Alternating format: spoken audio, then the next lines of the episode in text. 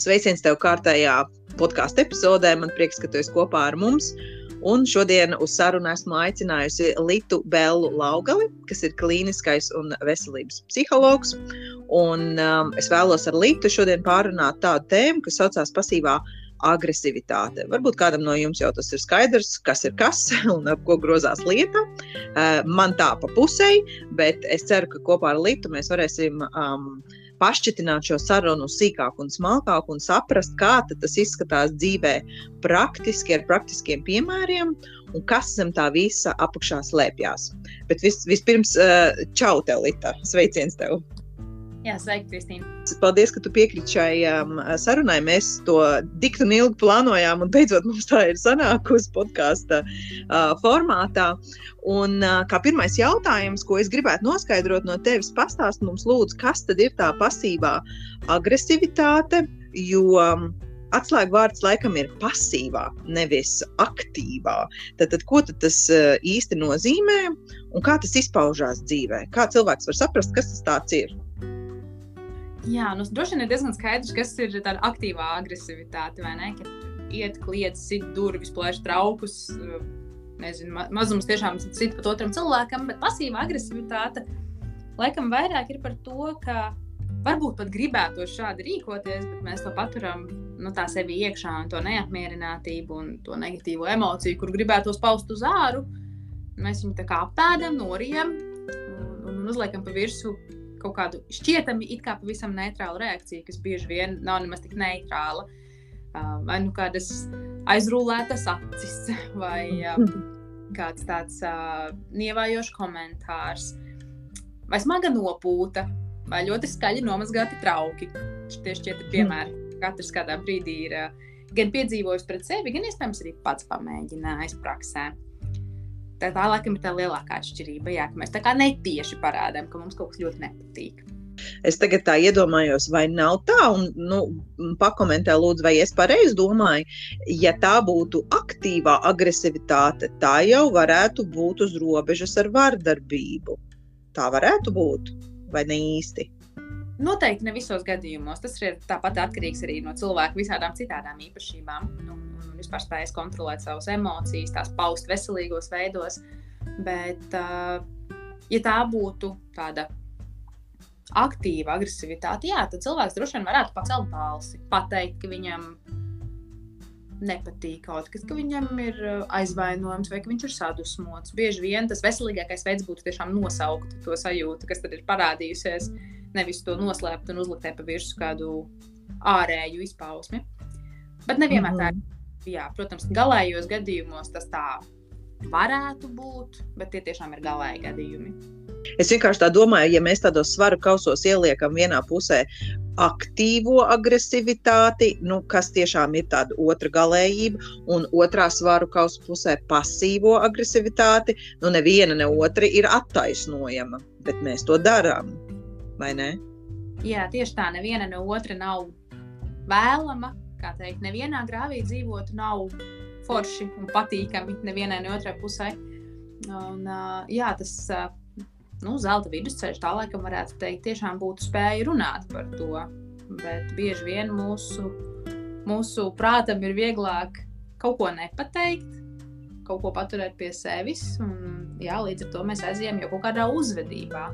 Un tā uzvedība tad dzīvo tajos svaru kausos, par kuriem tu runā. Pirms es tev mm, jautāju nākošo jautājumu, man radās tādas pārdomas, um, mazliet varbūt nos no šīs tēmas, bet tomēr saistīt. Um, vai tu piekristu tādam apgalvojumam, piemēram, ka cilvēki saka, nu, visa problēma parasti attiecība kaut kādā krīzē ir uh, komunikācijā komunicēt, jāmāk, jāmāk. Visi runā par komunikāciju, bet, nu, ja jau tas būtu tik vienkārši un um, nu, tā nu, jā, vienkārši un visi to zinātu, nu, tad mēs te nerunātu. Man šķiet par to, cik grūti ir um, pareizi komunicēt. Uh, un tad es dzirdēju tādu apgalvojumu, ko tu saki par to, ka um, krīze attiecībās nav sakarā ar to, ka nemāca komunicēt, bet tā nemācīšana komunicēt izpaužās caur neatrisinātām pagātnes rētām. Līdz ar to, ja piemēram ir tā tā pasīvā agresivitāte jau ir kā mm, sekas kaut kādai neatrisinātai pagātnes uh, lietai.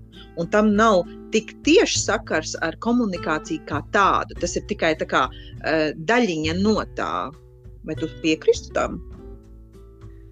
Droši vien daļēji es tam piekrītu, jo es arī esmu tas cilvēks, kas vienmēr saka, ka komunikācija ir visa atslēga, bet jā, komunikācija nav vienkārša. Tas nav tāds elementārs risinājums. Bet par tām uh, uzkrātajām pagātnes, rētām pagātnes pieredzēm arī var piekrist. Jo, uh, kā jau saku, emocijām ļoti spēkā ir masas nezudamības likums. Un, un, jā, pat tad, ja tā pagātnes pieredze varbūt nav attiecībās ar šo konkrēto cilvēku, ar kuru ir izveidojis konflikts. Vienalga, vai tā ir otrā pusīte, vai, vai tas ir draugs, vecāks, tiešām nav būtiski. Mēs visas tās pieredzītas nesam sev līdzi.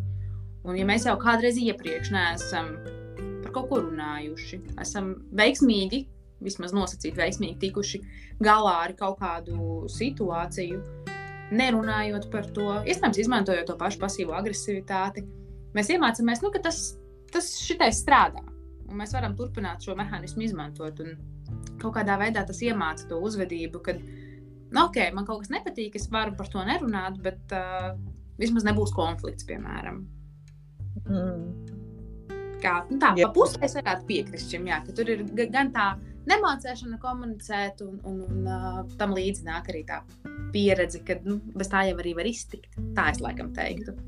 Un ko tad tu teiktu, kāds faktors visbiežāk nosaka to, ka, piemēram, cilvēkam ir šī pasīvi agresīvais komunicēšanas veids? Um, nu, daļai mēs tikko to izrunājām, bet ko tu vēl varētu pieminēt? Jā, noteikti nav tāds viens iemesls, kādēļ cilvēki ķerās pie, pie šādas uzvedības. Bet bieži vien, es jau rītdien minēju vārdu par konfliktu, ir bail no konflikta. Bail sāpināt otru cilvēku, ir bail, ka nesanāks varbūt sevi īsti aizstāvēt vai pastāvēt par sevi, ja tas konflikts izraisīsies. Un uh, bieži vien, kā jau ar daudzām lietām, šī ir tāda dzīves mācība, ko mēs paņemam līdzi jau no bērnības. Ko, jo ja jau no bērna kājas nav redzēts piemērs, vai, vai nav piedzīvots piemērs arī tam, ka ir vieta gan savām, gan citu emocijām, ar laiku tas nepaliek vieglāk. Mēs tā kā iemācāmies, ka labāk ir neiedot telpu sev un savām emocijām, nekā konfliktēt. Bet tāpat tās viena daļa var būt šis konflikts, bet otra daļa var būt arī stāsts par uh, kontroli. Mm -hmm. Jo kontrole ir lieta, kas mums rada drošības sajūtu. Un, mm -hmm. Ja mēs it kā kontrolējam, it kā kontrolējam savas emocijas, it kā nesadusmojamies, it kā neapvainojamies, mums paliek kontrole par situāciju. Mēs tādā Bet veidā noformulējam, ka mēs nesastrīdamies, mēs neizšķiramies, mēs nezaudējam kaut ko. Un līdz to mēs paliekam drošībā. Bet tā tāda sevis mānīšana, tas jau tā ļoti virspusēji ir. Mums šķiet, tieši tā kā tu teici, ka mums ir kontrole, bet patiesībā mums nav nekas. Jā, tā tiešām ir tāda neliela sevis mānīšana, jo mēs apdalām sevi visādos, visādos virzienos. Jo sanāk, ka mēs gan riskējam tās attiecības tāpat sabojāt, jo mēs uh, nerunājam, mēs jūtamies slikti, iespējams, kaut kādā veidā nodaram pāri tāpat arī tam otram cilvēkam. Nu jā, un tad beigās sanāk, ka visi paliek zaudētāji. Mm -hmm. Pastāst lūdzu mazliet par to teikumu, ko tu teici, iedot telpu sev. Tas diezgan bieži izskan dažādos, dažādos rakstos. Uh, Um, es personīgi to saprotu, ko tas nozīmē, bet varbūt mazliet pastāst vairāk, kas ar to ir domāts tieši. Mm -hmm. Nu, jā, tas ir laikam tāds ļoti subjektīvs termins, ko tajā pašā laikā visiem patīk izmantot. Uh, iedot telpu sev, jā, vai tiešām nozīmē ļoti daudz ko, piemēram, nosaukt savu emociju, pateikt, ka es esmu dusmīgs vai dusmīga tas var būt uh, arī paņemt tādu nu, pauzi priekš sevis, kaut vai tā paša konflikta laikā. atzīt sev, ka kaut kas nav tā, kā man gribētos, ka es nejūtos labi ar to, kas šobrīd notiek. Varbūt tieši jūtos ļoti labi ar to, kas šobrīd notiek. Tas, tas attiecas arī uz tādu izbaudīšanu pozitīvo lietu piedzīvošanu. Jo mēs bieži vien uh, daudz ko izdomājam, izanalizējam, un ļoti daudz jau esam tajos savos izdarītajos secinājumos. Tad nesanāk atkal iedot to telpu sev, jo mēs jau esam visu kaut ko izdomājuši. Bet tajā brīdī, kad piedzīvo šo spēcīgo emociju, tiešām nav būtiski, vai tā ir pozitīva vai negatīva. Ļaut to tajā brīdī, šeit ienāk apziņotība, piedzīvot, tāpat tiešām piedzīvot visu, kas ar tevi tajā brīdī notiek. Ok, bet ja es tagad saku, mm, nu, es pieķeršos pie tā vārda piedzīvot, piemēram, es esmu šausmīgi dusmīga kaut kādā konfliktā. Nu, mm. Kā izpaudīsies piedzīvot dusmas, uh, lai tas nebūtu vardarbīgi, jo nu, tas ir izslēgts, par to mēs vispār nerunājam. Mm. Kā izpaudīsies man piedzīvot dusmas konflikta laikā? Ko iespējams es drīkstu, varu vai man būtu jādara tajā brīdī? Mm -hmm. Atkal nosaukt, ko tu jūti. Teiksim, tās pašas dusmas. Konflikta vidū var izmantot visvienkāršāko teikumu uzbūvi. Es esmu dusmīga, ļoti dusmīga. Un tu jau šādā veidā kaut uz to milisekundi iedod tai emocijai vietu, kur viņa var izrēģēties.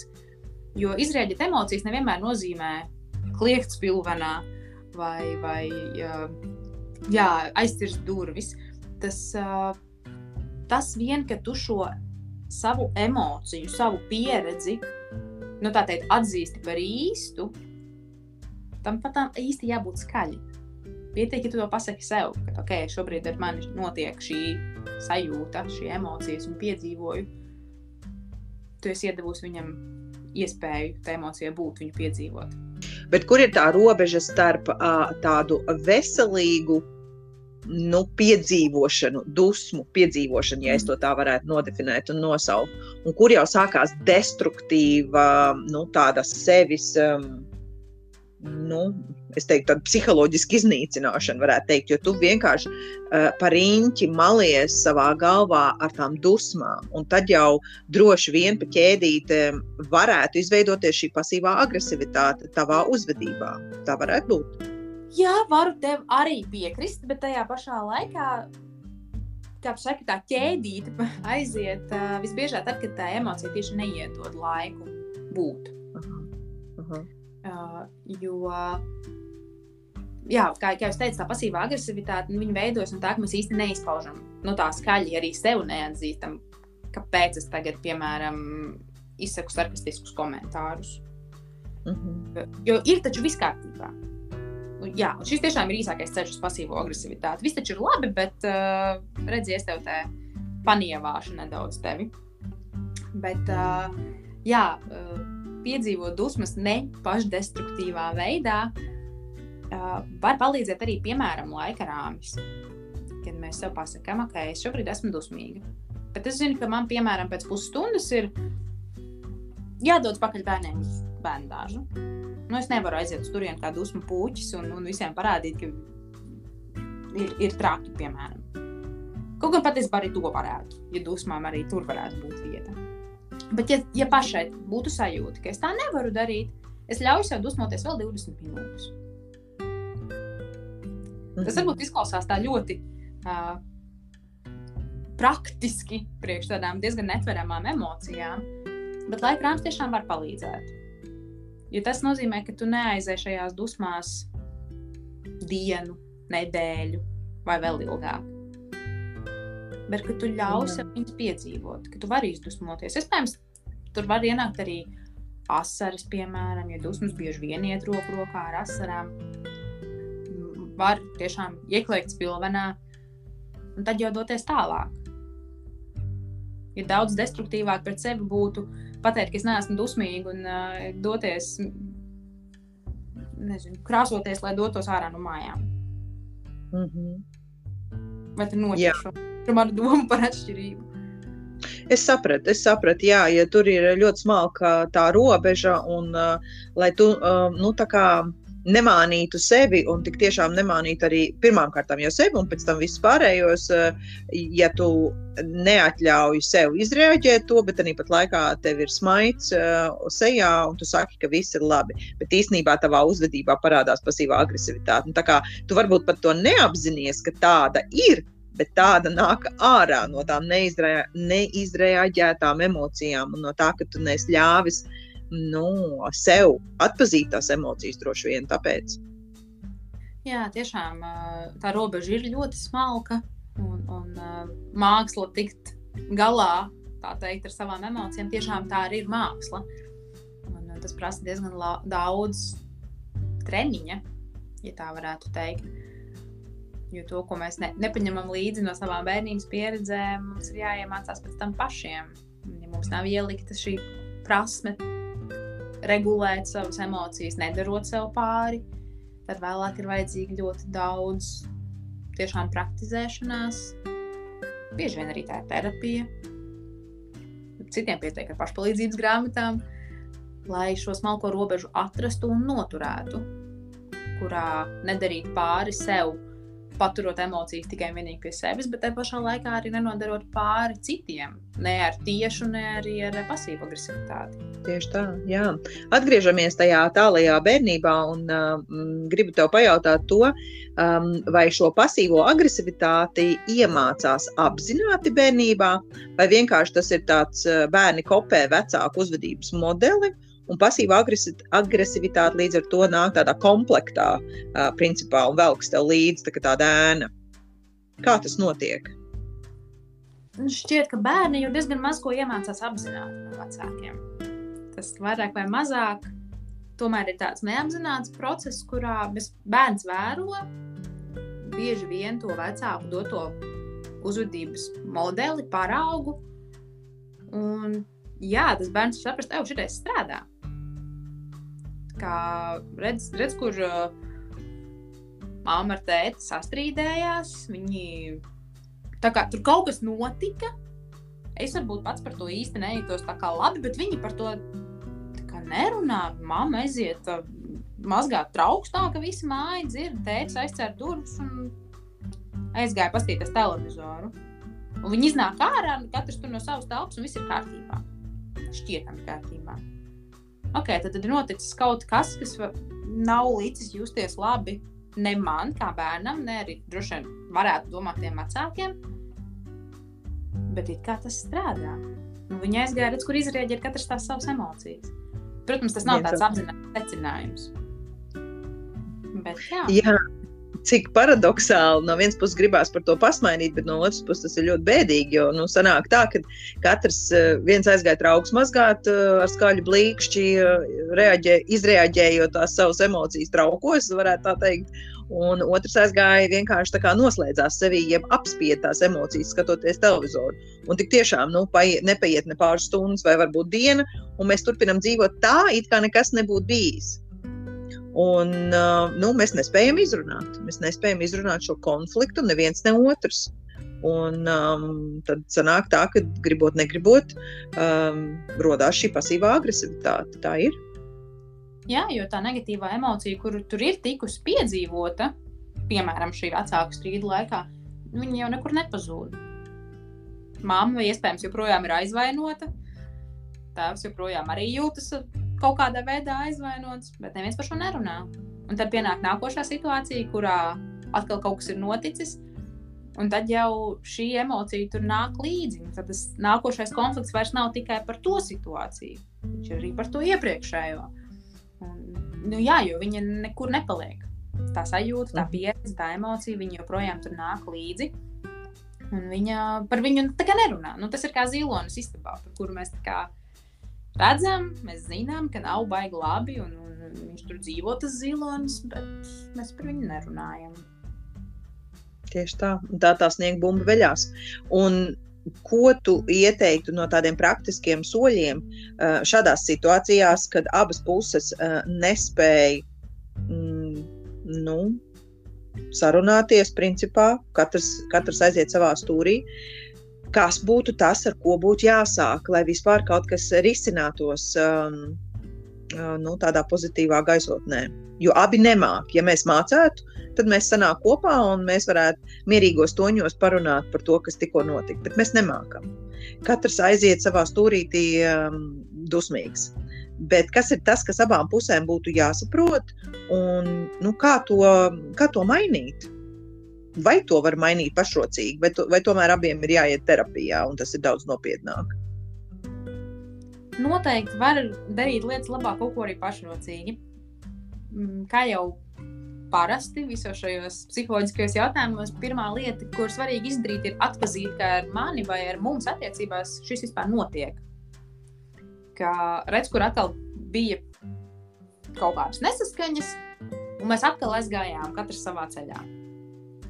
Un tad uh, gan priekš sevis, gan iespējams arī par to otru cilvēku saprast un pamanīt, ka jā, izklausās, ka mums te ir neizrunāta, neapskatīta, nepiedzīvota emocija, neapmierinātība, un mēs aizgājām parādīt to kaut kādā citā veidā. Respektīvi, šo pasīvo agresivitāti. Un, uh, tad nāk tas viens vai abi drosmīgie uh, mēģina to savu sajūtu nosaukt. Tikai jābūt šajā situācijā ļoti uzmanīgam, lai neaizietu pārmetumos. Tu mani sadusmo, tu mani aizvaino, tu man dari pāri, es esmu apziņots, nabadzīgs. Bet uh, parādīt šo likumsakarību, kad, piemēram, tu sāki uz mani kliegt, tu pacēli balsi, mani tas sāpināja. Ka iedot atkal telpu šai savai sajūtai, ka es esmu sāpināta, Un tā kā es biju sāpināta, es nevarēju par to parunāt. Es aizgāju mazgāt traukus. Un mūsu problēma palika šeit, karājoties gaisā. Mm -hmm. Bet uh, ko darīt, ja nu, savā starpā ir sajūta, ka varbūt viens varbūt eh, no pāra saprot to vairāk nekā otrs un cenšas labot un stāstīt un paskaidrot tieši tā, kā tu tagad teici, bet otrs to tā neredz vai nespēja saredzēt. Un sākās šis pingpongs par vienu otru vainošanu. Bet tu tā, bet ja tu nebūtu tā darījusi, tad es nebūtu šitā. Un tā uz priekšu uz apakaļ. Un mēs, ne, mēs netiekam nekur, mēs vēl dziļākā mežā iebrienam ar visu šo pa, pasīvo agresivitāti. Bet ko darīt? Kā to vispār var mainīt? Tāds aburtais lokus sanāk, tāds vāveres ritenis. Un kā mēs netiekam no, tās, no tā meža ārā, tā mēs netiekam. Mm -hmm. Jā, uh, jebkurš vāveres ritenis parasti prasa robežas, kuras tad ir jā, jānosprauž tajā pusē, kur ir to gatavi darīt. Jo ir skaidrs, ka ir kaut kādas situācijas, kurās to pasīvo agresivitāti varbūt nu, var pieciest. Kas, protams, nav ideālais scenārijs, bet var pieciest. Un tad ir kaut kādas situācijas, kurās tu vairs neesi gatavs šo izturēt. Un tad, tad jā, tiešām atliek saglabāt mieru, lai neaiziet varbūt pat tiešā agresivitātē, pārmetumos, kliekšanā, bet uh, aizsargāt arī to savu vēlmi pēc atklātas, patiesas komunikācijas, savas vajadzības iedot vietu savām emocijām. Un, protams, ka atkal šeit mēs varam runāt par to, cik svarīga ir komunikācija un tam līdzīgi. Bet tas rāda arī piemēru arī tam otram cilvēkam. Eh, jo mhm. skaidrs, ka bieži vien attiecībās eh, viena puse varbūt ir gatava vairāk ar sevi strādāt. Varbūt viens no pāra dodas terapijā, otrs nē. Un līdz ar to tā paša izaugsme nu, neiet tā vienā līmenī abiem, eh, jā, vienā virzienā. Bet ir iespējams parādīt piemēru. Neaiziet skaļi mazgāt traukus, pateikt, ka es esmu sāpināta.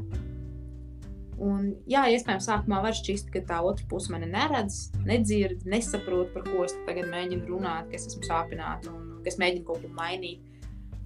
Bet iespējams, ka pēc trešās vai piektās reizes sāks saprast, ka pagaidi varbūt arī var pateikt, ka mani sadusmoja kaut kāda manas sievas draudzenes rīcība. Jo man šķiet, ka šīs ir tādas situācijas, kurās piemērs patiesībā strādā ļoti labi. Jo skaidrs, ka mēs jau arī šo uzvedības modeli esam iemācījušies no piemēra, ka mēs nerunājam Jā. par mierinātību. Tāpat arī tas var strādāt pretējā virzienā. Mēs parādām piemēru tam, ka šeit ir tā drošā vieta, kurā gan es, gan tagad esi gatavs arī tu vari padalīties ar to, kā tu jūties patiesībā. Kur ir atšķirība starp tādu neomu, kad cilvēks nav omā un ir, nu, es pat negribētu teikt dusmīgs, bet vienkārši nav garstāvoklis. Un pasīvā agresivitāte, kā es varu nošķirt, vai tā ir intensitāte, kas nosaka, kurā brīdī ir vienkārši cilvēks tāds īgans, varbūt viņš ir visu laiku īgans. un es īsti nevaru saprast, vai viņš tāds ir, vai tā ir tā pasīvā agresivitāte. Kā es to varētu saprast? Vien, ka viens punkts ir tas jau, ko tu saki jā, par šo intensitāti, bet uh, droši vien, ka pat būtiskāk, kad saka, cilvēks visu laiku ir īgns, ir saprast, kādēļ viņš ir īgns. Jo bieži vien tie, kas visu laiku ir īgni, viņi arī visu laiku nedalās ar to, kas viņiem patiesībā notiek dzīvē. Viņi ir neapmierināti, piemēram, darbā, vai nu, golfu spēlē negāja, kā būtu gribējies, vai nenoķēra zivi vai draudzene kāda aizvainoja, neatnāca nezinu, glāzi šampaniešu izdzert, piemēram. Jo iespējams, ka tā pasīva agresivitāte jau nav vērsta pret tevi konkrēti. Bet cilvēks vienkārši kopumā nekomunicē par savu neapmierinātību. Viņu parāda caur šo īņošanos, noslēgšanos, nopūtām, gadām, jā, tādu muguras uzgriešanu, aiziešanu prom Uh, jo jā, īņošanās bija, ir patiesībā viena no tādām diezgan biežām pasīvās agresivitātes pazīmēm, simptomiem, ja tā varētu nosaukt. Mhm. Jā, ir ļoti vērtīgi to saprast, jo es domāju, ka daudz no mums, un bieži vien ir tā, ka nu, mēs to uztveram personīgi, jo nu, šķiet, nu, nu, ko es tādu izdarīju, vai ko es tādu pateicu, un iespējams, tu sāc šausmīt sevi par to, kāpēc tas otrs ir nu, tik īgans uz tevi, un tu mēģini vērst lietas par labu, bet iespējams, nu, tas, protams, kā iespējams tikai pastāv, tu sāc mēģināt izpatikt tam cilvēkam, kas jau ir atkal cita galējība, uh, lai tikai viņš nebūtu īgans, bet tam nav nekāds sakars ar tevi. Bet ir ļoti labi saprast uh, priekš sevis, kas ir kas, lai es varētu to atpazīt un lai es varētu, nu, tā kā veselīgi, emocionāli veselīgu lēmumu pieņemt. Es tā laikam to gribētu teikt. Jā, izpatikšana ir vēl pavisam atsevišķa tēma, kas arī ir gan sarežģīta. Bet, uh, jā, tiešām saprast sev, ka šis cilvēks iespējams īņojās, jā, tāpēc, ka viņš ir ar kaut ko neapmierināts, bet tā nav mana lieta. Es, es neko neesmu šeit izdarījis. Laikam, varētu teikt, tā lielākā atšķirība ir tajā, ka ja cilvēks ignorējās un saka, ka viņam viss ir labi, nu, respektīvi, tur ir ļoti skaidri nesakritības ar to, kā viņš izskatās un kā viņš saka, kā viņš jūtās, tad šī kombinācija būtu tā pasīva agresivitāte. Bet, ja cilvēks pateikt to, ka, klausies, mīļā, man šodien priekšnieks izveda no pacietības, man ir rītīgs beisis, un tad viņam nav šis noskaņojums, un viņš ignorējās, tad jau tā ir vieta viņa emocijai viņš piedzīvo savu īņošanos, savu dusmu, savu aizvainojumu. Jo tā laikam varētu pateikt, ka tā lielākā atšķirība ir tajā nesaskaņotībā. Ja es saku, ka man viss ir labi, nē, nē, es nedusmojos. Viss ir kārtībā. Nē, tu neesi man sadusmojis, bet es parādu pilnīgi kaut ko citu. Jā. Es sapratu, es sapratu. Man, ehm, man eh, prātā nāk ļoti daudz praktisku dzīves piemēru, tagad, kā cilvēki uzvedās vai kā mēs paši mēdzam uzvesties. Tad, kad mēs sakām vienu, bet eh, attiecīgi uzvedību runājam par kaut ko citu. Jā, tas, tas ļoti spilgti, ļoti spilgti dzīves piemēri. Eh, kā ir Lita tad, ja tu esi piemēram darba vietā, vai kaut kur ārā sabiedrībā, un tu saskaries ar šo pasīvo agresivitāti. Kā man būtu jārīkojas vai jārēģē? Tie nav mani mājinieki, tas, tie, tie nav ne mani bērni, ne vīrs, ne sieva, ne mamma, ne tētis, nu, bet tie ir sveši cilvēki vai kolēģi. Un es izjūtu un saprotu, pat, ne, pat nenojaušu, bet tiešām saprotu, ka tā ir pasīva agresivitāte. Ko man darīt? Droši vien pirmais jautājums būtu, vai tev tajā situācijā kaut kas ir jādara? Okay. Jo mēs visus salabot nevaram un nav arī mūsu pienākums. Ja tas tiešā veidā ietekmē tevi, piemēram, kad tu esi tas cilvēks, pret kuru tā pasīvā agresivitāte tiek izrādīta, tu vari pat tā arī vienkārši pateikt. Tas redz, kas šeit notiek. Varbūt tā ir darba vide, un es saprotu, ka tu tikko iznācis no briesmīgā priekšnieka kabineta. Un droši vien, ka tā nepateica neko labu. Un tagad tu nes kāpēc dusmojies uz mani. Piemēram. Tas būtu viens tāds piemērs. Vai darba vietā patiesībā ļoti bieži pasīva agresivitāte parāda to, ka kāds nav apmierināts ar saviem pienākumiem, ka viņam ir uzlikts kaut kas par daudz, ka uh, varbūt ir iesaistīts kādā projektā, kurā tas darbinieks vispār nu, negrib būt. Un tad tas uh, cilvēks to parāda caur izgāšanos, neizpilda pienākumus laikā, pārvelk termiņus, uh, kavē sapulces, piemēram. Un, uh, vadībai tas var likties, nu, ka tas darbinieks ir vienkārši kaut kāds slings, nepunktuāls un vispār viņam varbūt nevajadzēja šajā projektā būt. Bet tādā veidā darbinieks mēģina komunicēt to, ka viņam nepatīk šis projekts. Es negribu tiešām šeit būt, varbūt man šeit nemaz nevajadzētu būt. Un uh, atkal vieta komunikācijai, kurā, ja, piemēram, vadība redz, ka darbinieks, kurš parasti ir visus termiņus ievērojis un darījis laikā, bijis apzinīgs un, un, un ar labiem sasniegumiem, un pēkšņi tas vairs nav. Varbūt tā ir vieta saprast, kādēļ tā vairs nav. Kas šajā situācijā ir mainījies. Jo ne jau darbinieks ir pēkšņi kļuvis kaut kāds ļoti neatbildīgs. Droši vien ir mainījies pienākums vai pienākumu daudzums, vai jā, projekts, pie kura strādā.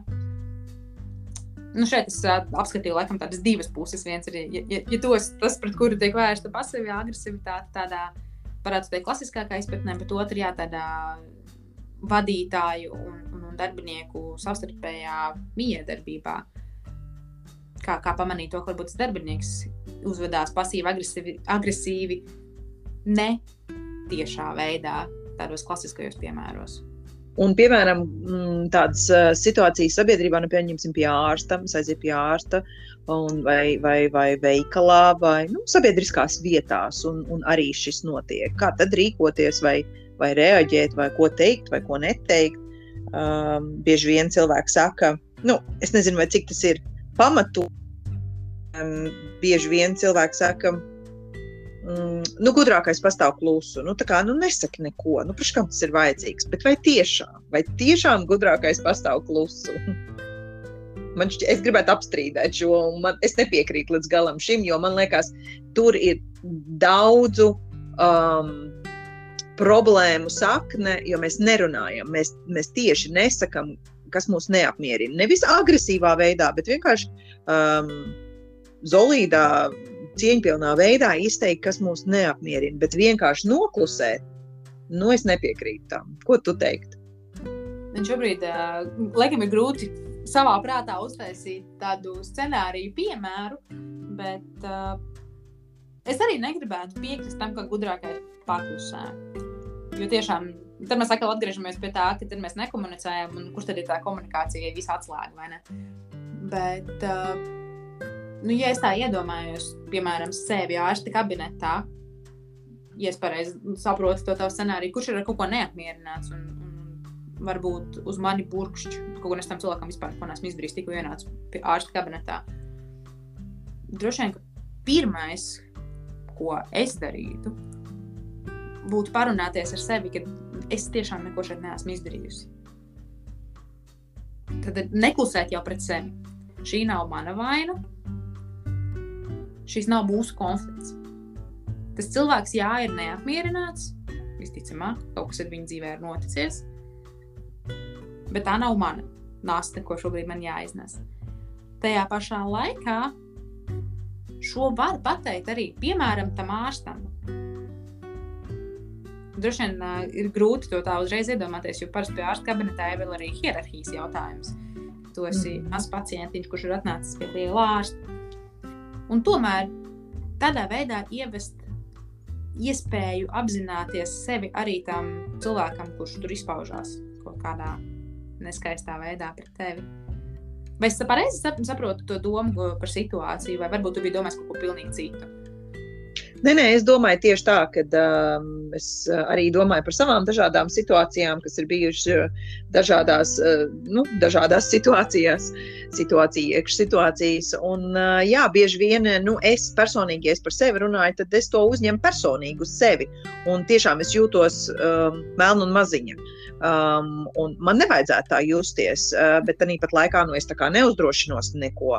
Nu, pat neiebilst, bet nu, pat ne aizrādīt, bet vienkārši dot ziņu par to, ka šis nav ok. Es neuzdrošinos to darīt, bet es saprotu, ka man ir jāuzdrošinās. Un tas ir ļoti grūti. tas ir ļoti grūti. Jo šeit vēl paralēli tiešām ienāk atkal tēma par robežām. Jo tajā situācijā tu vari izvēlēties arī aiziet no tā cilvēka, no tā ārsta, no tā speciālista. Problēma bieži vien tajā, ka mums mazajā, relatīvi mazajā Latvijā tās iespējas tikt pie ārstiem ir tik, cik viņas ir, un mēs daudz ko pieciešam tieši šī iemesla dēļ. Mm -hmm.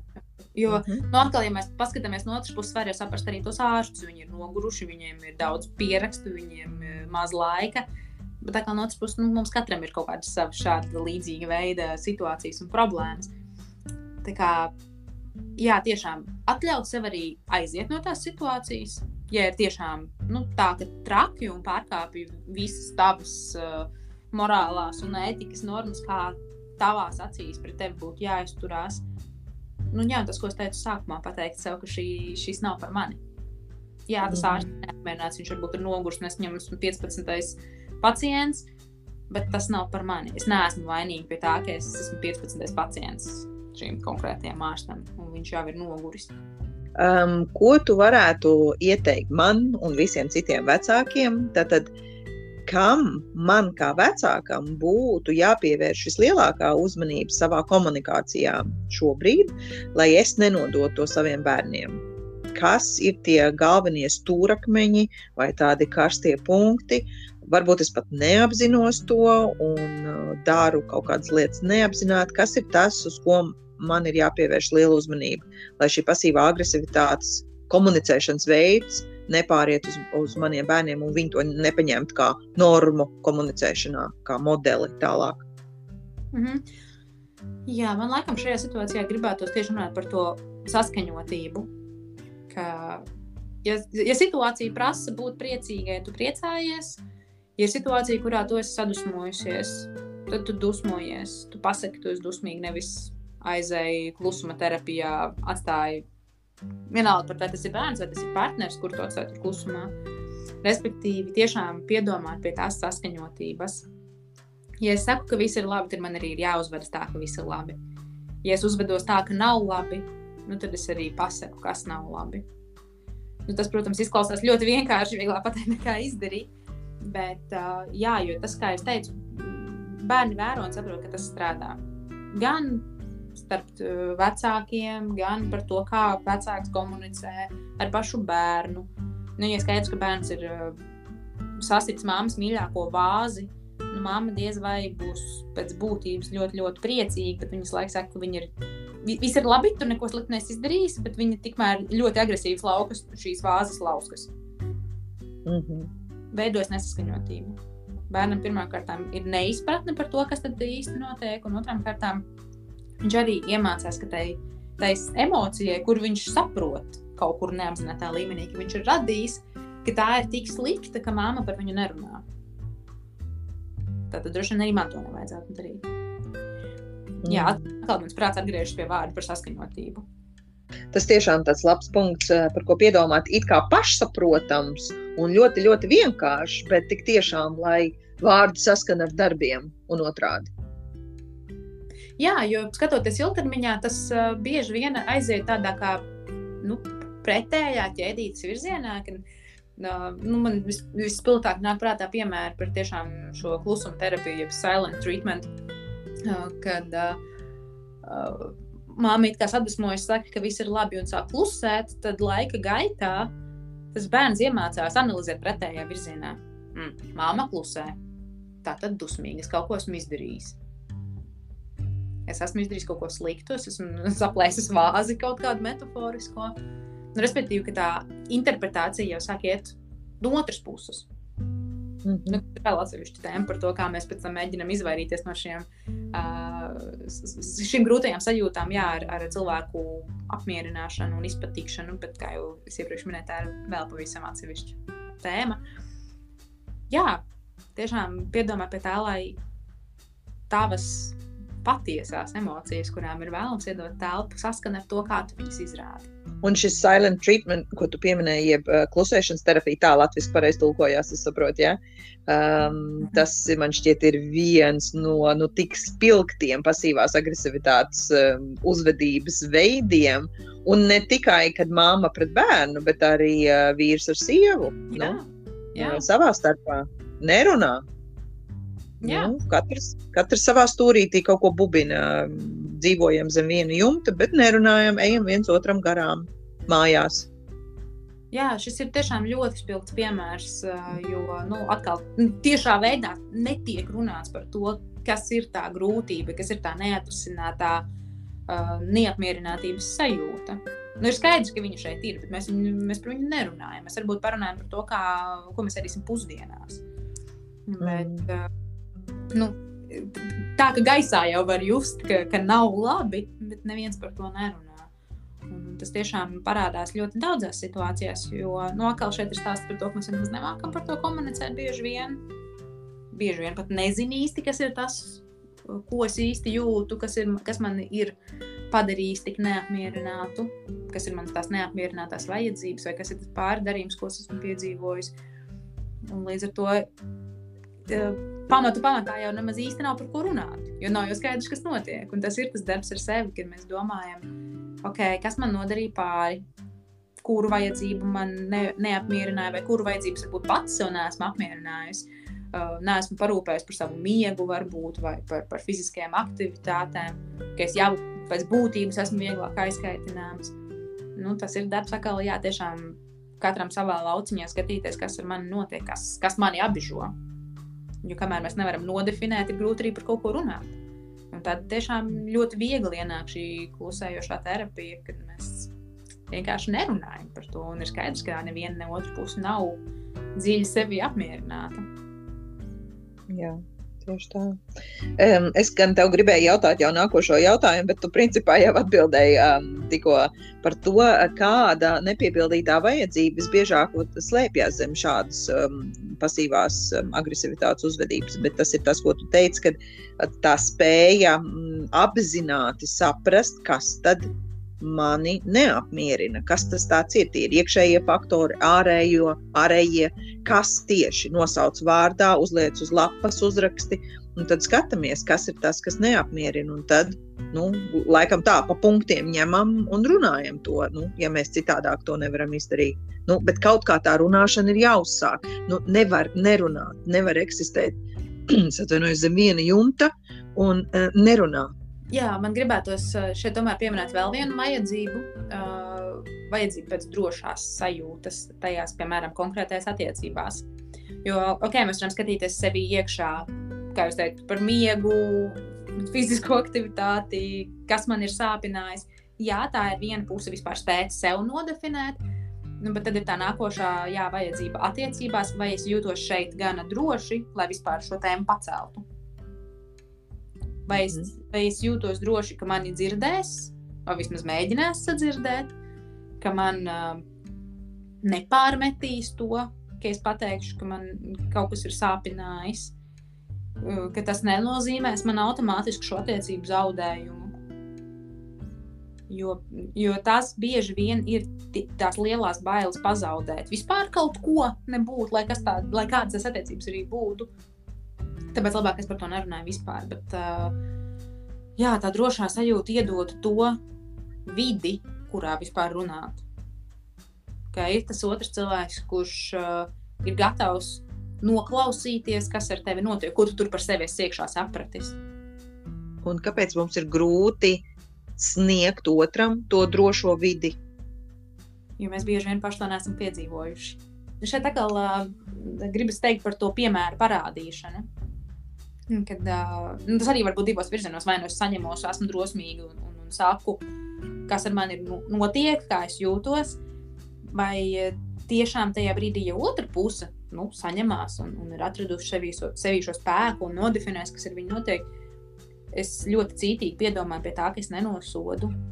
Es nepūšu un neelšu viņā klausoties. Un, un, un tādā veidā radīt pieredzi, ka, ok, nekas traks nenotika, jo es padalījos ar, kā, ar to, kā es patiesībā jūtos. Jo mēs parasti dalāmies ar tām emocijām, kuras ir nu, drošas. Ja es pateikšu, ka es esmu priecīgs, nekas slikts nenotiks. Ja es pateikšu, ka es esmu dusmīgs, es varu dabūt vēl samazu spaiņu par savu galvu.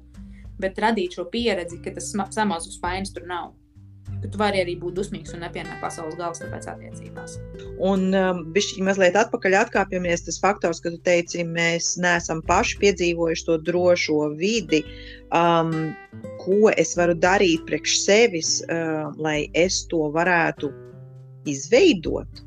tas ir iespējams tagad, pieaugušā vecumā, ja es to neesmu uh, saņēmusi kā bērns.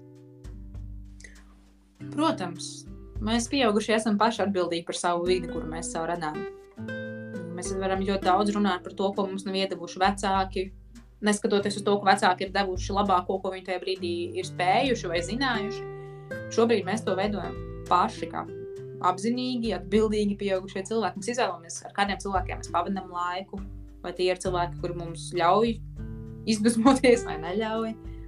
Tāpat arī kā mēs paši pret sevi izturamies tajos brīžos, kad ir tās grūtās emocijas, vai mēs sev pasakām, ej, savācies un, un nejūti šito, vai mēs spējam sev pajust arī līdzi un, un tiešām līdzjūtībā se, ar sevi piedzīvot to, kas ir grūti. Nu, un atkal, jā, radīt piemēru arī citiem cilvēkiem un arī sev. Un, protams, ka šobrīd mēs to varam darīt tikai caur saviem apzinātajiem lēmumiem. Jo aiziet atpakaļ laikā, neviens no mums nespēja. Mēs nevaram pagriezt pulksteni atpakaļ un izdarīt tā, lai tā bērnība būtu pēc grāmatas perfektā un, un iedotu visu, ko nu vien vajadzētu iedot. Šobrīd tās lietas mēs varam organizēt sev paši. Ir tikai apzināti jāizvēlas tās lietas, kuras mums nāk par labu, kas mums rada to vidi, kurā mēs varam justies jā, atkal droši. Droši būt ar visu, visu Tā, tur arī varētu likt punktu ar visu, ko mēs jūtam, ko mēs piedzīvojam, ar visu, ko mums gribētos pateikt, un varbūt mēs nepateiktu, nepadalītos. Nu, tā. Jā, paldies, Tēlīte.